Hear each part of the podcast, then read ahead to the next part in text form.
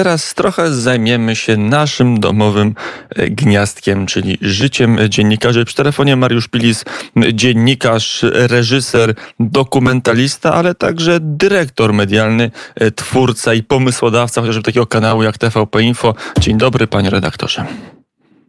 Dzień dobry, dzień dobry, witam wszystkich. Ostatnio w, nie tylko w środowisku dziennikarskim, ale szerzej do opinii publicznej rozlała się kwestia listu, anonimowego listu grupy pracowników TVN, którzy opisują, jakie praktyki panują w tej stacji, od kiedy weszło tam niemie, niemieckie, amerykańskie, amerykańskie wielkie konsorcjum medialne Discovery. Autorzy listu opisują, że TVN był niemalże że idyllicznym miejscem pracy dla dziennikarzy, producentów, kamerzystów, operatorów, dźwiękowców, montażystów, etc., e, kiedy zarządzał nim najpierw polska firma, potem przez chwilę inna firma amerykańska, ale od kiedy pojawiła się naprawdę wielka, globalna korporacja e, Discovery, to wszystko zaczęło się e, psuć, warunki pracy się pogorszyły, ludzie zostali zwalniani, nie patrząc na prawo pracy, często zdaniem autorów listu, a wolność dziennikarska zaczęła e, zanikać. Nie wiem, czy pan redaktor czytał ten list, pewnie czytał, nie wiem na ile uważnie, ale jaki obraz polskiego dziennikarstwa e, w tych mediach, które są e, kapity, w, w, przez kapitał globalny kontrolowany, jaki obraz tego, tych mediów się wyłania z tego listu? Znaczy przede wszystkim, przede wszystkim chciałem zwrócić uwagę na jedną drobną rzecz, która póki co jeszcze, ale może dlatego, że sprawa jest zbyt świeża, żeby, ona była jakby widoczna. Mm, y, mam wrażenie, że ten list jest elementem jakiejś wewnętrznej, dużej walki. Y, faktem jest, że TVN dzisiaj to stacja, która przeżywa potężne wstrząsy. Y, wydaje się, że nie tylko z powodu tego, kto kapitałowo ją przejął, ale rzecz zaczęła się dziać znacznie wcześniej.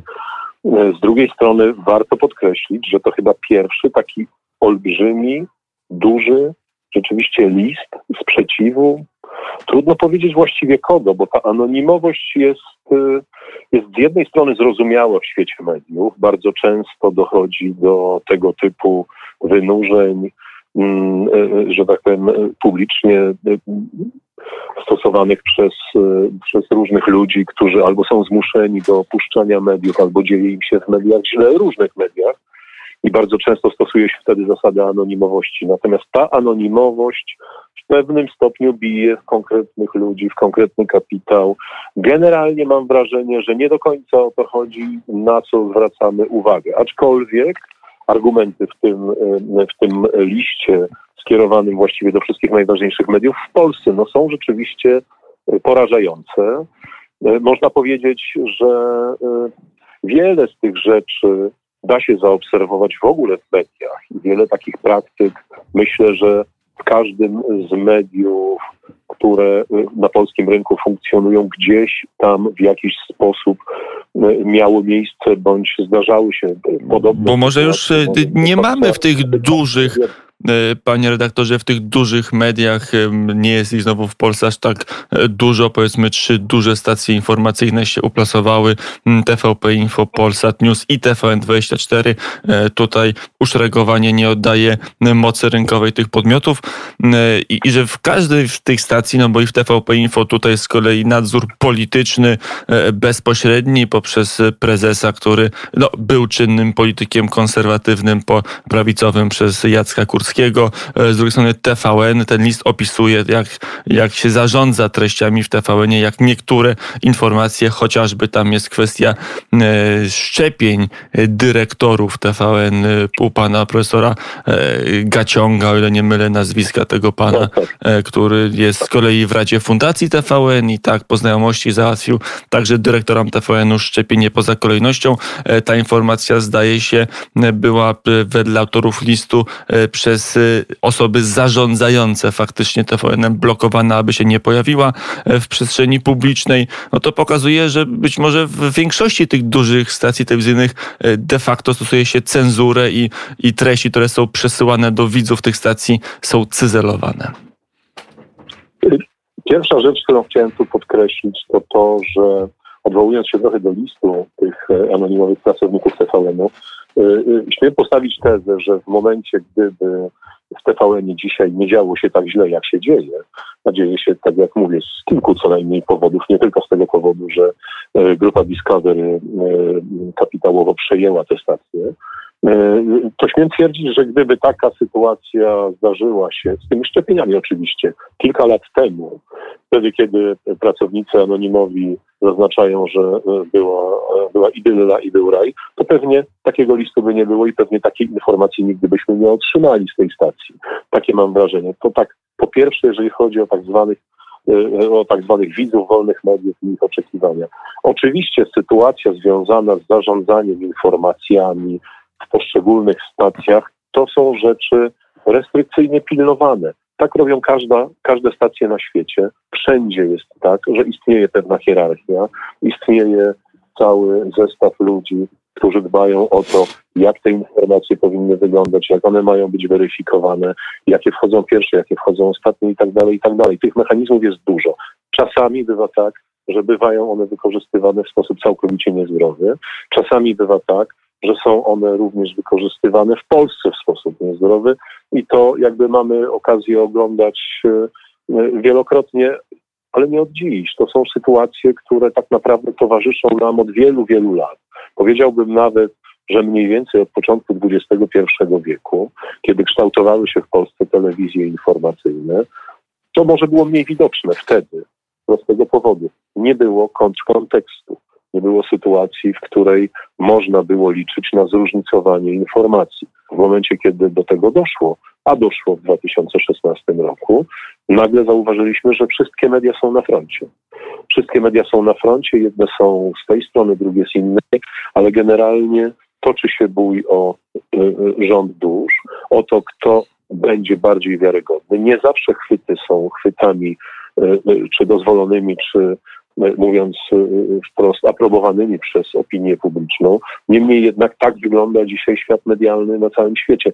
Nie staram się tutaj usprawiedliwiać tej sytuacji w żaden sposób, natomiast próbuję opisać ten fakt w taki sposób, żebyśmy mieli jakby świadomość tego, jakby w czym uczestniczymy. Czy radio, czy prasa, czy telewizja jest to instytucja schierarchizowana, gdzie jedni ludzie dowodzą, drudzy wykonują zadania. W sytuacji, w której znalazło się TVN dzisiaj, możemy mówić o tym, że e, mamy do czynienia z jakimś rodzajem fenomenu. Z tej stacji nigdy nie wyciekały tego typu informacje, na pewno nie w ten sposób. Ostatnią, jaką sobie przypominam, która pulwersowała opinię publiczną, to były występy e, szefa programów informacyjnych, kiedy z wyraźnym jakby syndromem Tureta narzekał, że ma brudny stół, Y, y, i, i, trzeba go wyczyścić. Y, ale to było wszystko. W tej skali, w taki sposób. No i jeszcze Tomasz Lis, który się rozstał z tą stacją, z TVN-em, kiedy mm, była wątpliwość, czy przypadkiem nie chce zostać prezydentem. Wydał potem książkę i kilka pikantnych szczegółów o tym, jak się treści, jak się newsy robi w faktach TVN-u przekazał. To, to, było tak, tyle, że to, tyle, że to było wcześniej i w gruncie rzeczy można byłoby powiedzieć, że książka Tomasza Lisa była książką kanoniczną, to znaczy ona za bardzo nie odsłaniała rzeczy, których na pewno Tomasz Lis był świadkiem, a pewnie i kreatorem.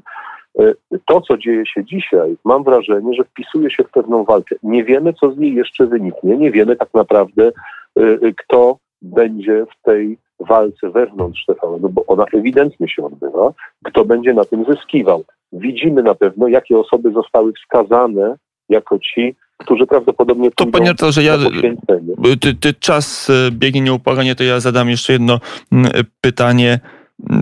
Na ile to jest tak, że to, co się dzieje wewnątrz TVN-u ma przełożenie polityczne? Ile prawdy może być w tezach, że chociażby taka partia jak Platforma Obywatelska to jest partia, która ma z jednej strony formalny zarząd, zjazd krajowy, radę krajową i inne statutowe ciała dowodzące, ale też ma pozapartyjne gremia, gremia decyzyjne, gdzie są chociażby właśnie media liberalne i że czasami agendę czy program Platformy Platformy układa się na redakcji, na stole redakcyjnym, czy, czy, może, czy może na zarządzie raczej TVN-u? To jest jedno pytanie i od razu dodam drugie o, o to, że Platforma aktualnie zbiera podpisy pod ustawą, aby zlikwidować TVP Info. To trochę w kontekście tego, że mamy od roku 2016 pewien pluralizm. Oczywiście on nie jest idealny i chciałoby się, żeby każde medium było na swój sposób pluralistyczne, a nie e, było żołnierzem w wojnie politycznej, no ale przynajmniej teraz mamy e, w miarę równowagę sił, czy, czy względną równowagę sił po obu stronach frontu.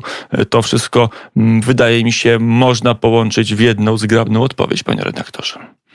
Oczywiście i myślę, że tym wspólnym mianownikiem jest walka o życie Platformy Obywatelskiej.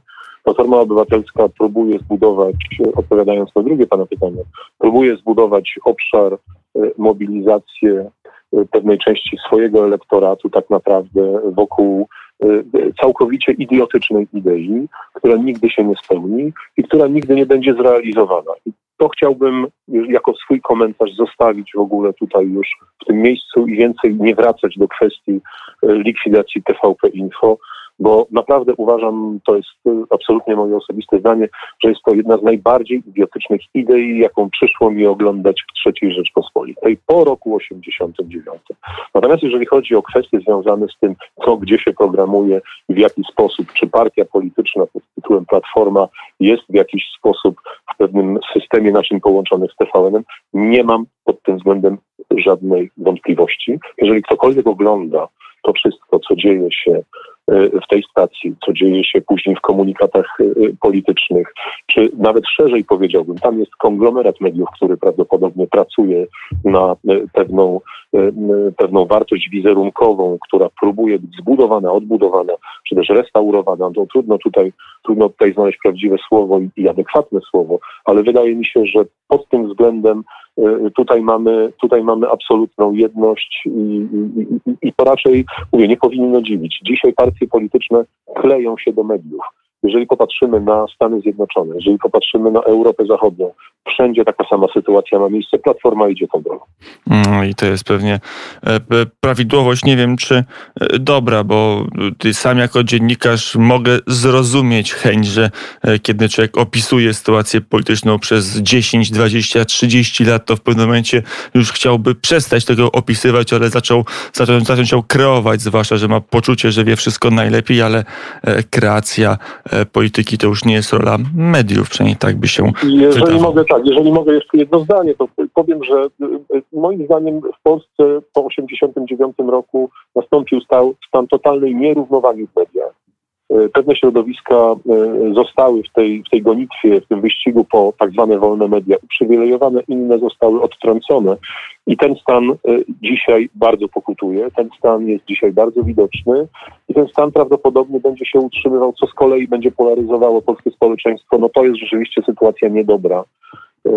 Z perspektywy budowania demokratycznego społeczeństwa, społeczeństwa obywatelskiego, ale taka sytuacja, trzeba pamiętać o tym, ma swoje korzenie gdzieś bardzo głęboko w tych wyborach, których dokonywaliśmy zaraz po 1989 roku. Mm, a które już są nieodwracalne i teraz trzeba ten ład medialny naprawiać, a to trwa, trwa i trwa. Mariusz Pilis, dziennikarz, reżyser, dokumentalista i także dyrektor zarządzający w różnych mediach, był gościem popołudnia wnet. Bardzo serdecznie dziękuję za rozmowę. Dziękuję bardzo. Mm, I do usłyszenia.